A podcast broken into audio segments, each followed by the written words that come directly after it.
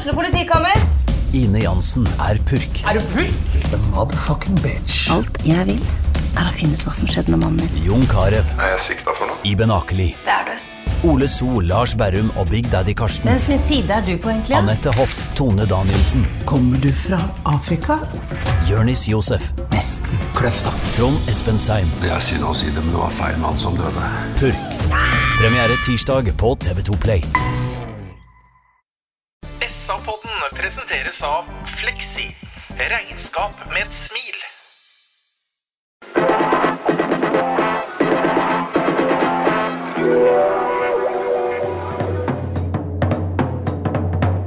Sarpsborg Arbeiderblad gir deg en ny episode av SA-podden med Petter Kalnes, Øystein Weberg og Bjørn Inge Bingen Nilsen. Hjertelig velkommen til en ny utgave av SA-podden. Her i studio sitter som vanlig Sarpsborgs svar på Erik Storstvedt, altså en ordkunstner av en ekskeeper med meningers mot. Men der Erik kanskje var hakket bedre mellom stengene, så er vår mann bedre enn de fleste på badestranda, golfbanen og på puben. Velkommen, Bingen. Tusen takk for det, Petter. Vi har også med oss uh, Vetatoppens svar på Odd Karsten Tveit, mannen som er selve personifiseringa på begrepet 'de grå hårs kunnskap'. Hei, Øystein Weberg. Hei, men du, jeg må bare med en gang si at jeg syns Bingen fikk en bedre, bedre presentasjon enn meg. Men ok, greit, Petter. Jeg tar igjen senere. Ja, det får du gjøre. Jeg heter altså fortsatt Petter Kalnes, og så vi ønsker velkommen til en podkast der vi nok en gang eh, ikke har noe Sarpsborg 8-kamp å snakke om, Øystein. For uh, igjen har en treningskamp blitt eh, avlyst. Ja, nå begynner jo det å bli et eh, slags mønster, og nå drar det seg jo virkelig til her. Nå skal det vel være et møte på, kall det øverste toppnivå, eh, midt i uka som kommer, og da blir det vel tatt noen beslutninger her i forhold til hvorvidt seriestart blir eh, utsatt eller ikke. Men det begynner å skje en del ting som gjør at jeg syns det er grunn til å være litt bekymra for om det blir litt konkurransevridende. Det er jo noen som har reist hit og dit. Det er jo andre som har spilt kamper, helt legalt naturligvis. Men i og med at det er så fryktelig kort tid nå frem til den skal eh, starte, så, så det, får en kanskje en litt sånn konkurransevridende silly season som vi aldri har sett før. Nei, det er 36 36 dager i dag til det skal være planlagt eh, Bingen. Og fortsatt er det ikke blitt spilt en treningskamp, ja, for de aller fleste lagene. Nei. Og det er eh, vel eh, derfor vi har de tallene vi har i forhold til smitte i, i Norge òg. Vi har vært flinke og vi er forsiktige. Og det er vel ting som tyder på at vi ikke vet om det er 35 dager til serien starter, eller Petter? Ja, det er nok det. Og Du nevner at noen har dratt, eh, Øystein. Jeg, blir eh, kvalm jeg, når jeg ser at Bodø-Glimt eh, tar på en måte loven i egne hender. Reiser til Malaga, tar inn på treningsanlegget Dama de Noche og spiller f.eks. treningskamp lørdag mot FC Marbella, som ligger på tredje nivå i spansk fotball. Og de har ikke engang bestilt uh, returbilletter. De skal være her nede så lenge det er behov for det. Jeg, jeg syns dette er umusikalsk, og det holder. Ja, jeg syns umusikalsk er et eh, mildt begrep. Dette skjønner jeg ingenting av. Og, og jeg vet ikke hva for en uh, tilpassa begrunnelse en eh, internt der oppe bruker for å kunne gjøre det. Men det, som da er en realitet, det er jo at de gir seg sjøl nå eh, bedre forutsetninger for å være preparert inn mot en seriestart enn det øvrige eliteseriekonkurrenter eh, er. Og jeg syns det er én viktig ting som må holdes eh, høyt her, og det er, kall det likhet for loven. Ikke sånn helt kirurgisk eh, presisjon, men det kan ikke bli for mye eh, forskjeller her. Eh, Jeg tror vi kunne akseptert en helt spesiell eh, kort periode inntil en seriestart. Men, men da må det ligge i bånn at en føler at eh, her eh, er det likt for alle. Dette er et bidrag til det motsatte. Ja, he- helt enig. Og selv om eh, Bodø-Glimt selvfølgelig følger alle smittevernreglene de er på tur, og ikke utsetter verken seg sjøl eller kanskje andre for smitte, så er det noe med hele Det er jo et faktum at, at toppidretten jobber for å komme tilbake til normalen. Eh, og det her bedrer i hvert fall ikke, eller styrker i hvert fall ikke toppidrettens sak da når én klubb gjør sånn, sånn, som det her. Nei, det er også et viktig poeng. Jeg tror at vi skal heller se at toppidretten er ganske privilegert midt oppi dette her. Nå sitter vi her på søndags ettermiddag. Antagelig så kommer Oslo til å ha en pressekonferanse om et par timer. Hvor de ikke skal lette opp noe, men de skal antagelig skru til skruen enda et hakk. Det er veldig mye smitte rundt forbi. Og, og derfor så tror jeg at uh, fotballen gjør lurt i å forholde seg nøkternt til det som er uh, reglene, og ikke prøve å tøye dette her. altså. Mm. Jeg er helt enig med deg i det, Øystein. Tenker du, Bingen, Det er fortsatt disse fem kampene man har snakka om man skal kunne spille. Da, og Uoffisielle meldinger nå fra flere klubber sier at de, de, forbereder seg på at det kan bli kamp til, til helga. Eh, det må jo nesten komme i gang nå hvis vi skal rekke 4.-5. april. Ja, det er jo klart eh, Det er jo fordel å spille noen treningskamper. Og de har jo sagt at de Altså Det skal spilles fem treningskamper før serien eh, tar til. Og det er fem uker til omtrent i morgen, nei, over i morgen vi skulle ha spilt. Og det er jo viktig å få den der mm, følelsen med drakta på, på kroppen. Altså, det var internkamp om fredagen, og det var eh, fint å se den spilte ni mot ni, men det blir på en måte kanskje ikke det samme, selv om det var, en, eh, var fint å overvære den internkampen. Men eh, jeg får jo håpe jeg, jeg, jeg, ønsker jo veldig at vi skal Det begynner å bli ganske kjedelig om dagen. Jeg ønsker at vi skal få se den idretten vi vil, jeg. Og det spilles jo fotball over, eh, over hele verden, eh, for å si det sånn. Men eh, det begynner jo å nærme seg, og foreløpig så er det ikke spilt én, én, én eneste treningskamp. Det blir avlyst, og det blir utsatt alt sammen. Mm. Mm. Ja, og så er det et poeng til, Peter. og det er at Sarpsborg har jo etter hvert blitt et lag som har en viss har en viss kall det omsetning ut og inn av spillere. Ja. Og Det betyr jo at det er veldig mange nye navn også i år. Mm. og og det er klart at uh, Sett opp mot det, så er det jo et behov for at en får øve sammen i en tilnærma konkurransesituasjon. Mm. Uh, så det er jo det å si om det i tillegg. Absolutt. Og det å få til kamplike treninger, det er jo ikke, det er ikke akkurat så lett. Et norsk lag som har spilt kamp siden sist vi var sammen, det er eh, Molde, som har slått ut Real Sociedad. Jeg satt og så på det og fikk sånn altså 2018-følelse i, i Sarpsborg-nivå. Hoffenheim. Hoffenheim, ja. Ja, unnskyld, jeg sa Real Sociedad, sa jeg det. Beklager, det var Hoffenheim. Eh, jeg fikk en sånn følelse av at nå så gleden etter kampen. da. Jeg husker åssen det var når 08 eh, var ute der. Det er, det er spesielt. altså. Ja, veldig. Og egentlig så er det jo fotball sånn at vi heier på våre egne, og så skiter vi litt i, i andre. Men, men vi skal være klar over det at eh, det er mange plussfaktorer med at vi har et norsk lag nå som, eh, som til og med trekker en åttendelsfinalmotstander som gjør at det er ikke helt umulig å tenke at de kan gå til en kvart også. Uh, uansett, nå er de der de er, da. Uh, det at det kommer en norsk representant ut i Europa og slår et godt Bundesliga-lag, Eh, det er bare plussfaktorer for øvrige i fotballfamilien i Norge. Det tror jeg det er viktig å si. Både i forhold til fremtidig rangering, men også Eliteseriens kan du si, eh, omdømme utad. Så vi kan legge vekk den litt, og så kan vi unne Molde den suksessen mm. de har der. Mm. Jeg syns det er merkelig litt fokus på den seieren. Den prestasjonen er egentlig fantastisk bra. Så er det jo to ting med det her sånn som gjør egentlig Kjempegøy. Ulland Andersen skårer vel tre mål over to kamper. Avskrevet, nesten avskilta. Og mm. det var vel snakk om han til og med skulle vekk mm. her eh, etter sesongen eh, som var ferdigspilt i desember måned. Gjør det med det han kan med, det, med den følsomme føttene sine. Og så har jo Linde en helt fantastisk eh, prestasjon på 3-1 til Hoffenheim i kamp 1, hvor han tar den straffa. 4-1 der, sånn, så er jo egentlig Molde definitivt borte. Men så kommer de tilbake og får uavgjorten.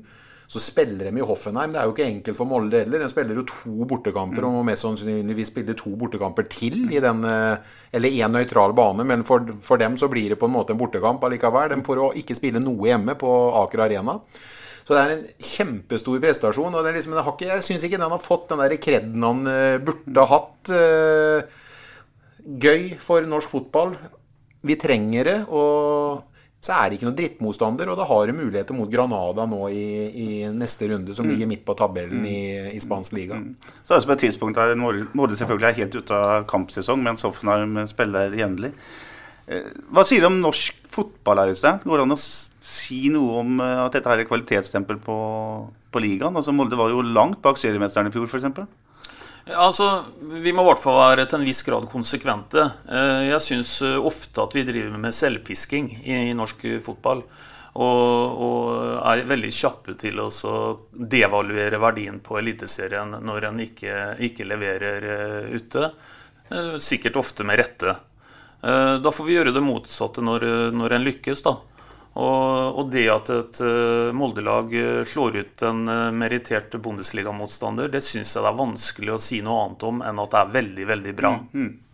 Jeg tror alle gleder seg over det, bortsett fra Kristiansund-folket kanskje, som ikke er spesielt glad i, i Molde. Men det, sånn er det vel. Vi skal, vi skal, vi skal snart gå inn i det vi pleier å preke om, det med Sarpsborg 8. Men vi skal ta med oss én litt sånn uh, litt stor sak først. eh. Øystein, det er nemlig dukka opp nå litt grasrotreaksjoner på at det skal arrangeres fotball-VM i Qatar i 2022. Så langt så er det noen klubber som har vært ute, og så er det Tom Høgli, den gamle landslagsbekken, som på en måte målbærer denne her eh, kritikken. Eh, Nå må vi få rakkeren snart et norsk fotballforbund, eller Norges Fotballforbund for eksempel, på banen her. Ja, det må jo på banen. Nå, nå er det jo Tom Høgli, som du sier, og så er det den gamle, gamle journalisten i Se og Hør, Melnes, som nå er redaktør i Josimar, som, eh, som snakker mye om eh, dette her. Eh, ja, det er jo sånn at det landet som skal arrangere VM i 2022, det er, eh, det er veldig mye å si om det.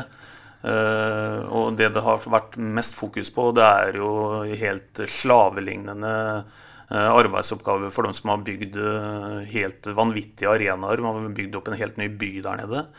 Eh, De sier at, eh, at eh, det har dødd faktisk over 6500 eh, arbeidere i den perioden de har holdt på med dette her. Og da sier de i tillegg at det, det er et konservativt anslag. Uh, nei, jeg tror bare vi har sett starten ja, på det som kommer nå. For nå er det, nå er det noen eliteserielag som har vært ute, og så har de uh, sagt at de mener at det er, her vil det være riktig å boikotte. Eh, uavhengig av hva en mener, så bør en i hvert fall ha en mening. Og, og jeg syns at uh, forbundet så langt, uh, i god gammel tradisjon, spiller en altfor passiv rolle. Jeg syns generelt sett vi har sett for mye av det, både i forhold til Norges Fotballforbund, men også Norges idrettsforbund og Olympiatopp og andre tunge norske aktører. Eh, syns de eh, har en etterdilterstrategi som er eh, altfor tam. Og nå hører jeg forbundet sier at hvis det blir nok klubber som støtter de tre eliteserieklubbene så langt som har ment det de nå mener, så kan det jo bli aktuelt å etterkomme det. Men hva er det vi har det forbundet for? De, de kan vel ta et eget prinsipielt standpunkt.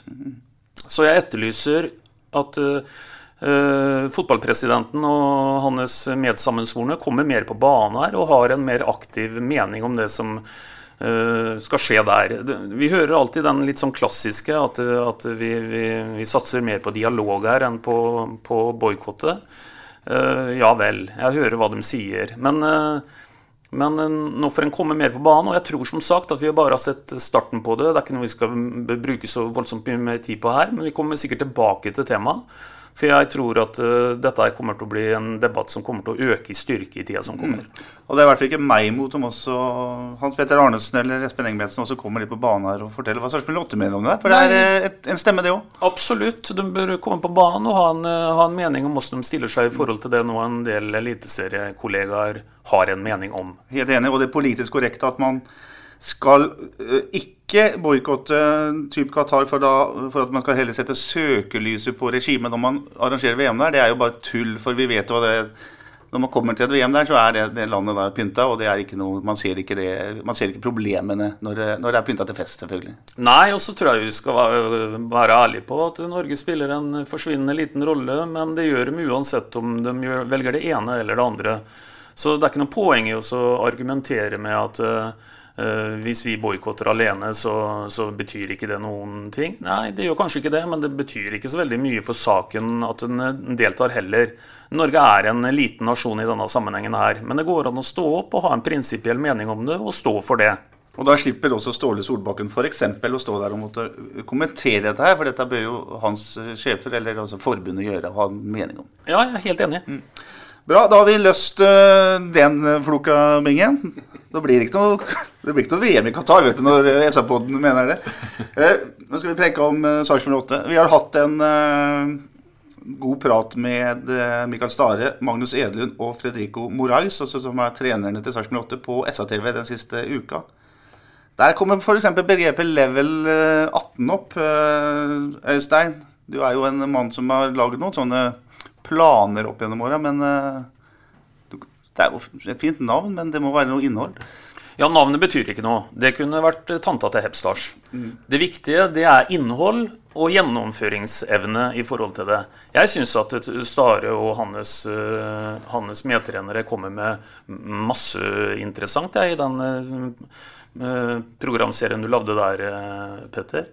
Så skal han selvsagt være klar over at det finnes ikke én eliteseriemotstander som ikke har en eller annen plan om å bli litt bedre i 2021 kontra 2020. Det ligger overalt. Så, så, så, det er ikke noe spesielt unikt, akkurat det. Men, eh, men jeg syns det er veldig mye, mye spennende som, eh, som, han er, eh, kommer innpå. Og jeg syns også det er befriende egentlig å høre Stare øh, også klinke litt til da, når det gjelder også, også snakke om kamper i fjor hvor en rett og slett ikke var med. Mm. Eh, der eh, tar jo Stare et eh, Han bruker jo hardere ord i de sammenhengene der enn egentlig det vi gjør, men jeg syns at det er litt, litt befriende.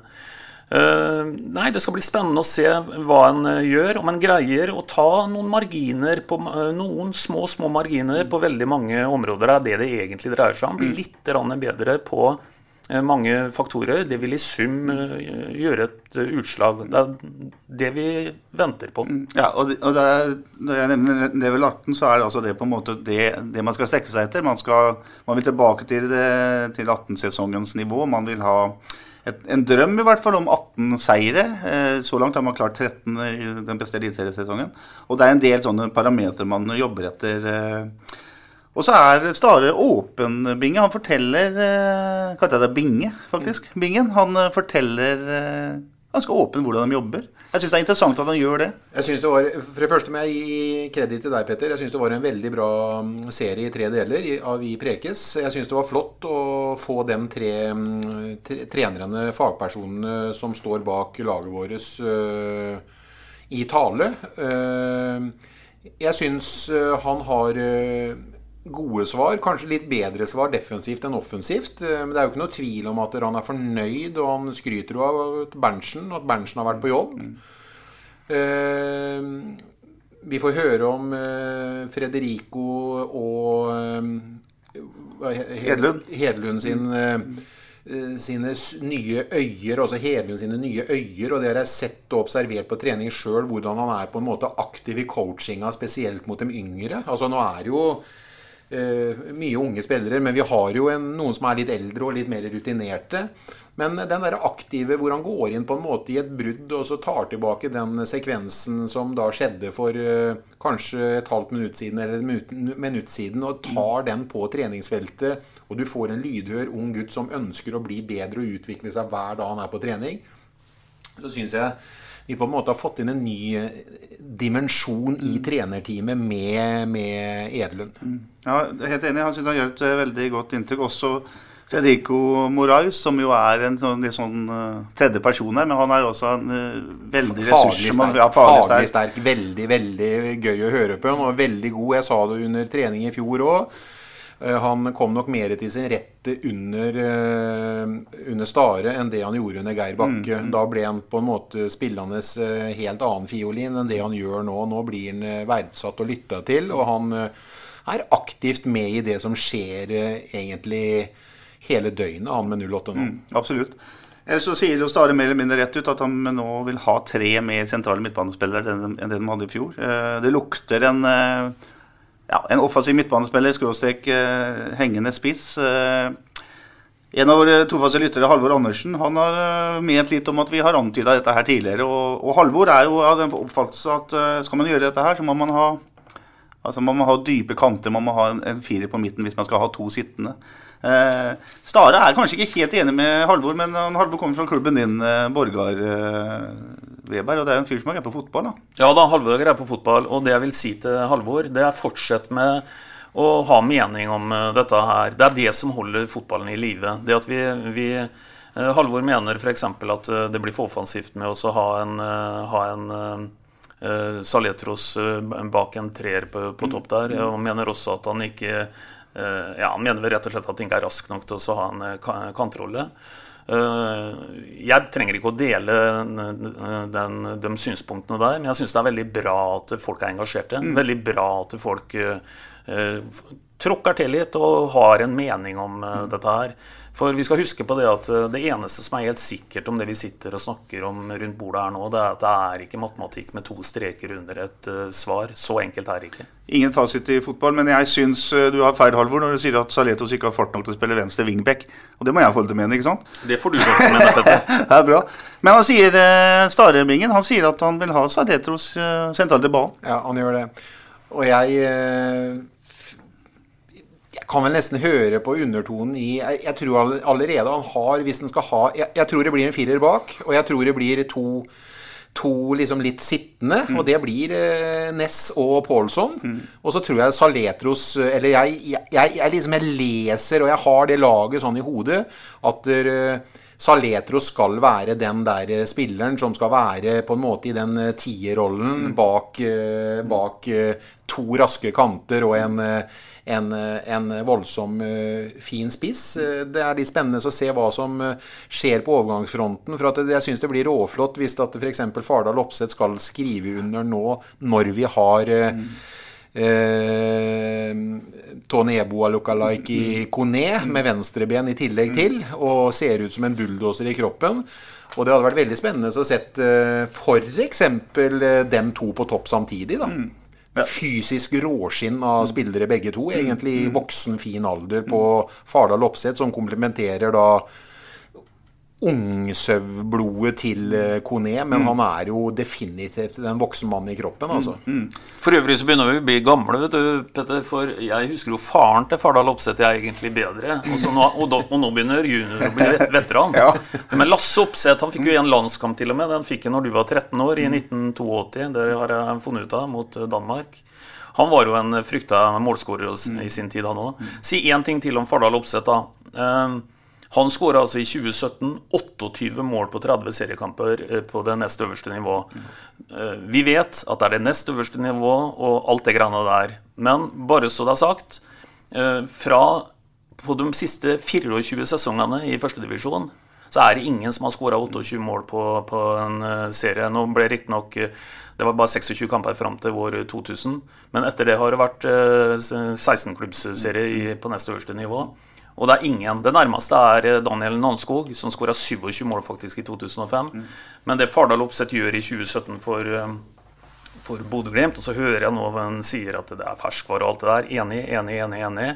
Men 28 mål på 30 kamper, det er eh, et helt fantastisk tall, bare for å ha sagt det. Jeg vet jo ikke om han kommer, men jeg syns det høres spennende ut. Jeg har bare lest avisene, og jeg håper at det går i boks. For at det, det er ikke tvil om at det, Stare, han eh, Eller for oss så høres det kanskje råflott at du skal ha liksom den dekninga du har nå, men nå kan du faktisk snu deg til benken. Eller jeg så eh, på internkampen om fredagen, og Kon- Kone og Utvik, den var jo Utvik var jo i ryggen på Kone, og de spilte mot hverandre i internkampen. Og det gjorde vondt for dem begge to å være. Utvik lå nede, Kone lå nede. Men liksom, når Utvik lå nede nå, så fikk jeg ikke vondt i maven. For jeg, liksom, hvem skal gå inn og ta Utvik sin plass? Når du ser han eh, på en måte verbal flotte midtstopperen eh, Ben eh, Karem... Karamoko. Karamoko, som liksom Vi har spillere nå hele veien som ja, nå kan du snu deg til benken, og så kan du be egentlig hvem som helst på benken å varme opp. For vi, vi er et jeg skal ikke være sånn, liksom sånn overpositiv nå, men jeg kan ikke allikevel være litt sånn glad i La være å være litt glad i stemmen min når jeg snakker om det. For at jeg syns det det ser bra ut, og laget har fått inn tingen i troppen sin nå som merkbart var mangelvare i fjor. Og da tenker jeg jo i hvert fall på tempo, for det er det i det laget her nå, altså. Ja, absolutt. Og når det gjelder Kristian Fardal Opseth, så er jo er jo Alt tyder på at han blir Sarpsborg 8-spiller. Det er ikke noe som er signa, så vidt vi vet. Men eh, når vi spiller inn dette her eh, søndag kveld, så, så er det ingen formelle ting som har skjedd. Men han skal være i, i Norge, og han eh, skal være innstilt på å gå til Sarpsborg 8. Og jeg, bare det at han som hadde den eh, rekorden som du snakker om i norsk fotball før han dro til først Tyrkia, så til Australia, så til eh, India, Øystein. Jeg syns det er kult at han kommer, også at han kommer til Sarpsborg.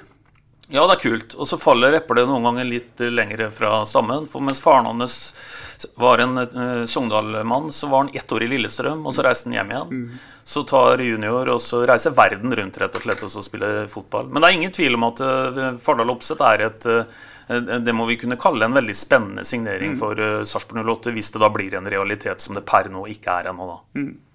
Det høres med til historien at han vil ikke ha bøtta inn mål, verken i Esimuspor i Tyrkia, i Adelaide United eller eh, i India for eh, Bengaluru. Men eh, det kan være mange årsaker til det. Vi Ja ikke veldig mye om indisk fotball, f.eks. Hvordan nivået er Nei da, og, og han skåra jo selvsagt betydelig mindre mål året etter også i Mm. Bodø-Glimt. Men han satte inn et tosifra antall. Han skåra ti mål i 2018-sesongen for, for Bodø-Glimt. Så det er ingen tvil om at det er, en, det er en mann som vet hvor målet står, som det heter. Og samtidig da, som uh, jakten på oppsett uh, sannsynligvis ender på Sarpsborg stadion, så er man fortsatt uh, i dialog med Molins. Eh, og Berntsen sier at uh, får vi Molins, så henter vi den. Selv om uh, Farseth Oppsett skulle komme bingen, da, da begynner spissalternativene å bli mange da, for en klubb som avslutta sesongen uten en eneste lærd spiss på banen. Ja, øh, jeg, registrerer det med Molins fortsatt. Og det må være noe som Jeg skal jo ikke skjønne alt, jeg, men eh, jeg, jeg, har- jeg har ikke sett det alle andre ser i forhold til i hvert fall eh, Jeg så han ikke så mye på trening som jeg skulle ønske i forhold til den Nei. tiden han var her. Mm. Men de har klok klokketro på at de skal få han eh, på banen, og de eh, har vel helt sikkert eh, fremforhandla en kontrakt som han eventuelt da skal si ja til med tid og stunder. Eh, Det kan ikke være sånn at det skal trekke ut noe så voldsomt mye lenger nå, for han må jo begynne å trene gutten. Men det må jo være noe som er økonomisk eh, forsvarlig i forhold til eh, hans prestasjoner, om det skal være prestasjonsrett eller hva det, hva det, hva det blir, det vet jeg ikke. Men eh, de ønsker noe voldsomt. Han er veldig ønska både av trenerteamet og Berntsen og dem som er på stadion. Og da, da blir det vel sånn, da. Men vi får jo håpe at eh, vi sa det jo sist, og da kan vi i hvert fall si det i dag, at eh, nå må det komme en beslutning snart, tenker jeg. For nå er det jo ikke veldig lang tid igjen.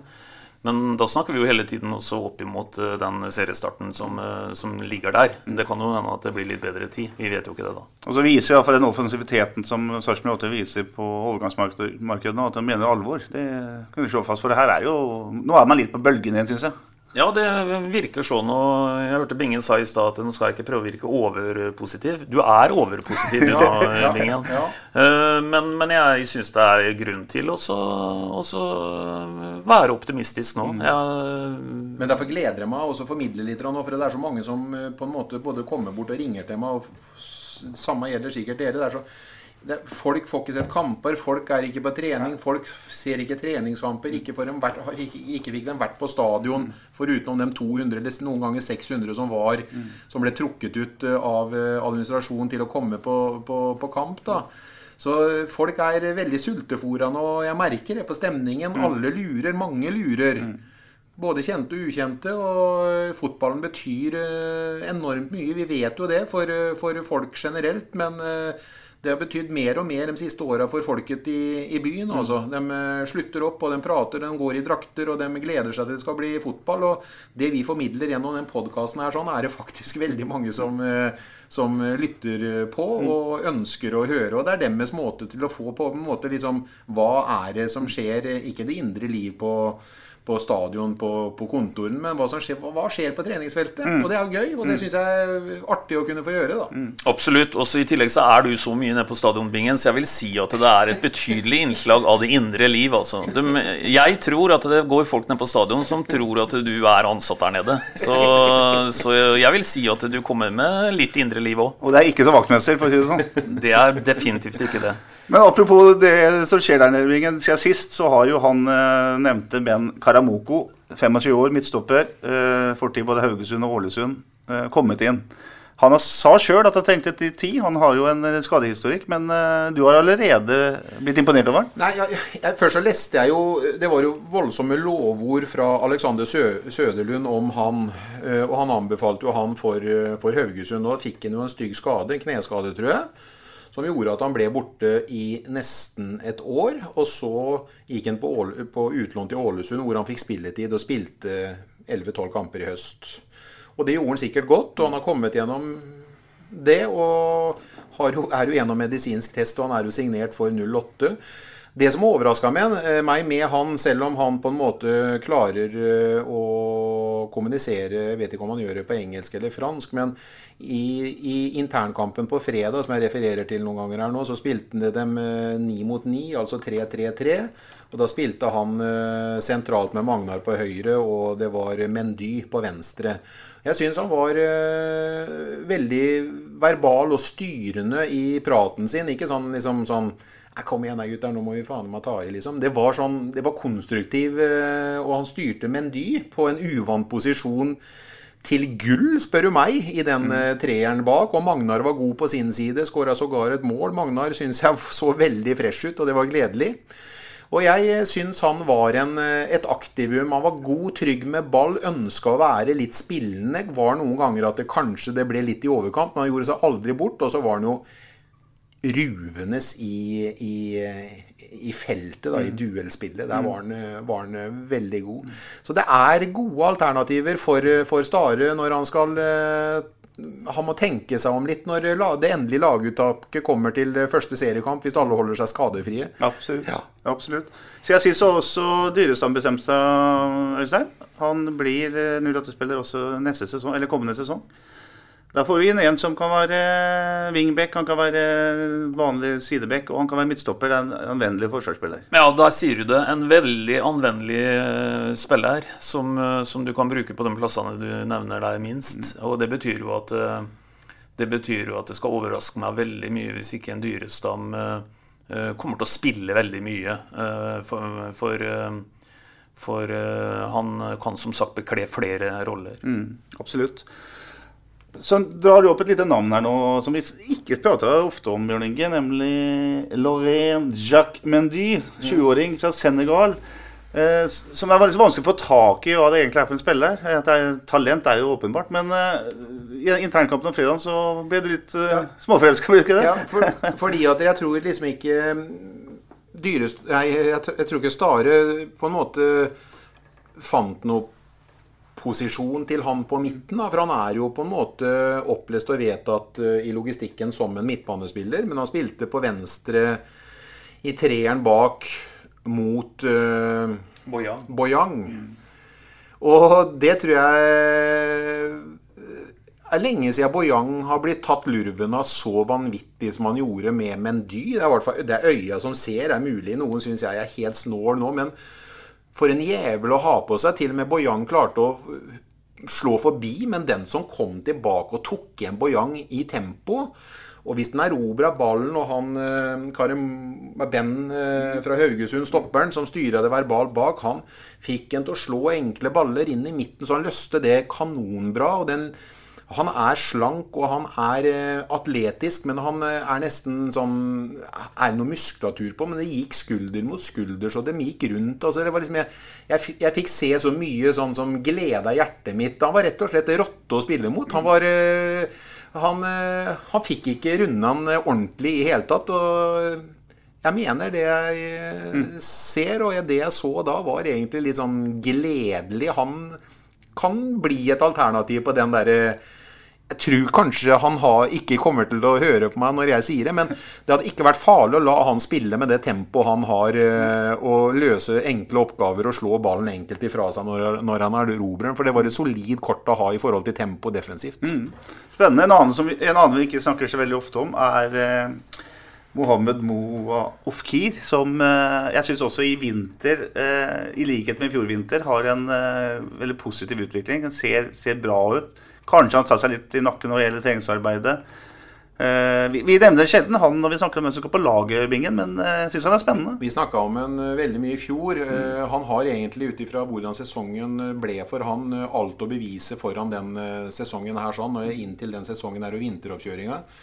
Jeg òg ser litt av det du sier nå, som vi så i fjor, med den X-faktoren vi snakka om, med den vrikkinga, og hvor han plutselig løsner litt uventa skudd fra 20 osv. Det kan du se igjen nå. Mm.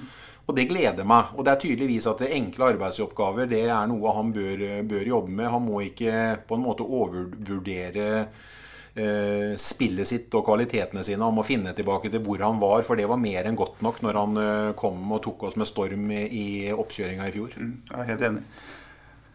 Skal vi ta et lager for Stare, da? Vi som er eh, gode til det. Nå er vi jo på et, en firevekslinje. Det jeg tror jeg Stare har bestemt seg for, eh, Øystein. Keepervalget er vel ikke noe vanskelig?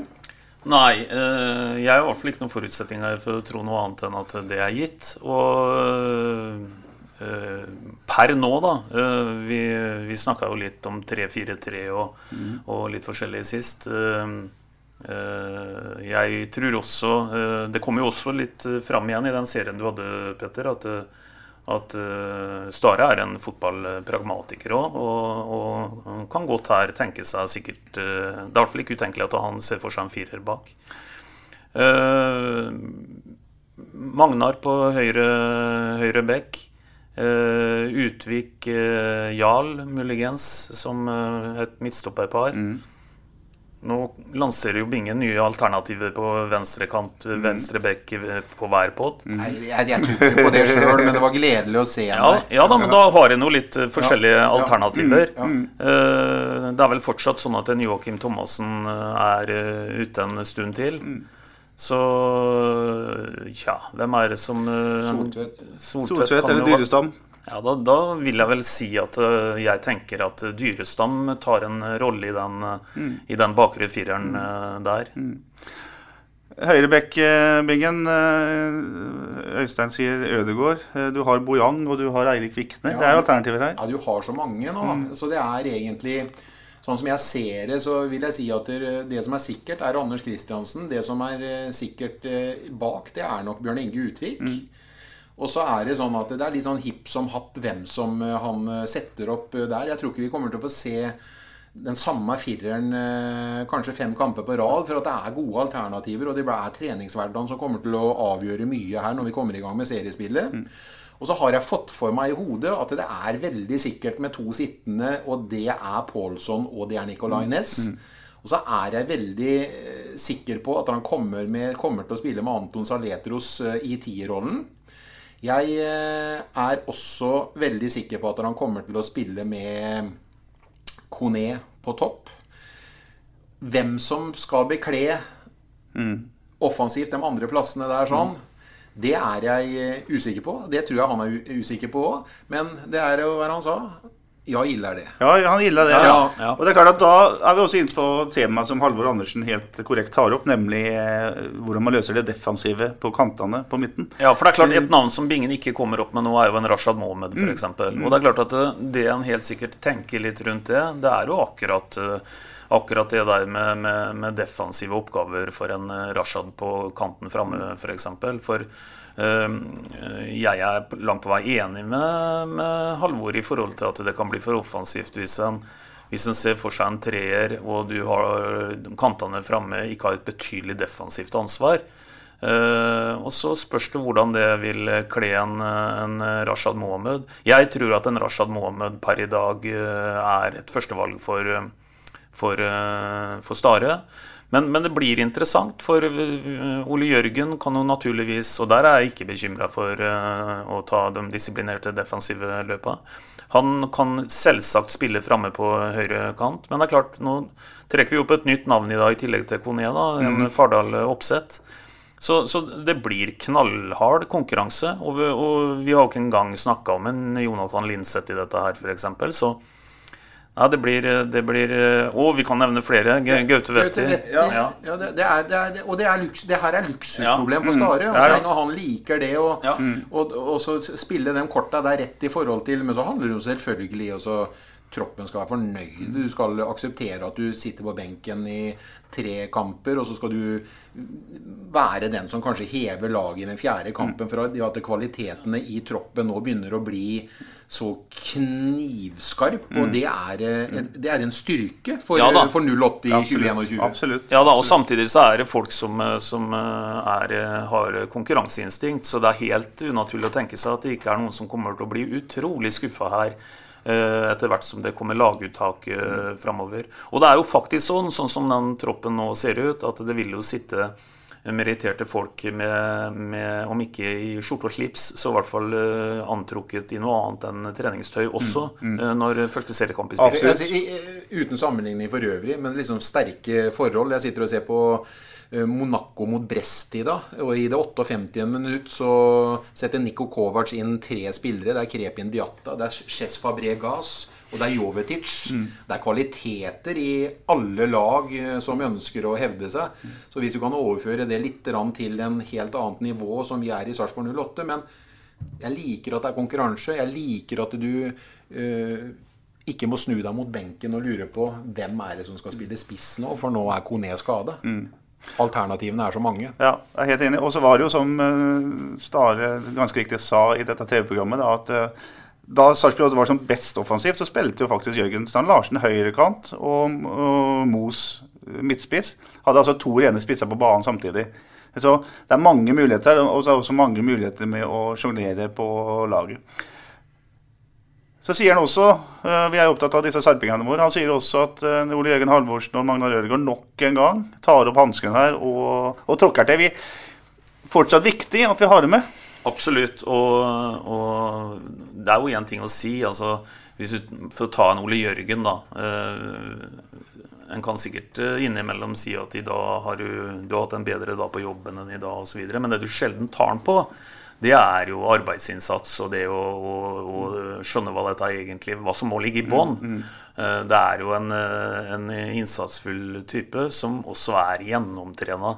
Så, så, han har forutsetningene som skal til for å ta opp nettopp den hansken du snakker om. Og jeg håper også at Ødegaard og etter hvert også Joakim Thomassen øh, skjønner at de både må ta opp hansken og gjør det. Mm. Helt enig. Da er det kommet til, har vi kommet til uh, overtid. Poddens overtid. Jeg er ikke besviken, jeg er forbanna, sa kommunalråd John Bruno Jacobsen i året da Lillehammer, og ikke Åre, fikk OL i 1994. Jeg derimot jeg er både lei meg og litt forbanna, og det gjelder praktiseringa av offside-regelen av alle ting. Offside-regelen er jo i seg sjøl genial. Det er den som skiller fotball fra en del andre idretter. Selv om jeg er nok ikke så enig med Drillo, uh, som mener at uh, idretter uten offside er meningsløst. For da hadde jo strengt tatt bare vært fotball, bandy og ishockey som vi skulle holdt på med. Men offside i fotball er genial, fordi det handler om at angriperne må ha et perfekt forhold til hverandre, mens forsvarsspillerne på sin side kan spille sjakk mot uh, spisser for å sette dem ut av spill. Dette syns jeg er en veldig interessant regel i fotball. Men VAR har, for å si det rett ut, kødda det til. For de har en vurdering av offside som er helt meningsløs, etter min mening. Jeg er så lei av å høre om linjedommere som skal ha såkalt tunge flagg, og dommere som ikke blåser offside før et angrep er avslutta eller en offside-plassert spiller toucher ballen. Jeg skjønner jo at VAR skal brukes i tvilstilfeller, det er jo derfor det er innført. Men poenget må jo være at det skal brukes for å feie tvil til side. Men når hele, eh, alle spillerne, publikum, TV-produsere og dommerkvartetten, eller fem eller seks eller sju, hvor mange dommere det er jo da, ser at det er offside, så er det jo meningsløst at man ikke blåser av spillet med en gang. Vi tar et eksempel. La oss si at en rettvendt eh, Paul Pogba på Manchester Uniteds midtbane får en eh, ball, en pasning. Han ser at Marcus, Marcus Ashford, Uniteds spiss, stormer i bakrom.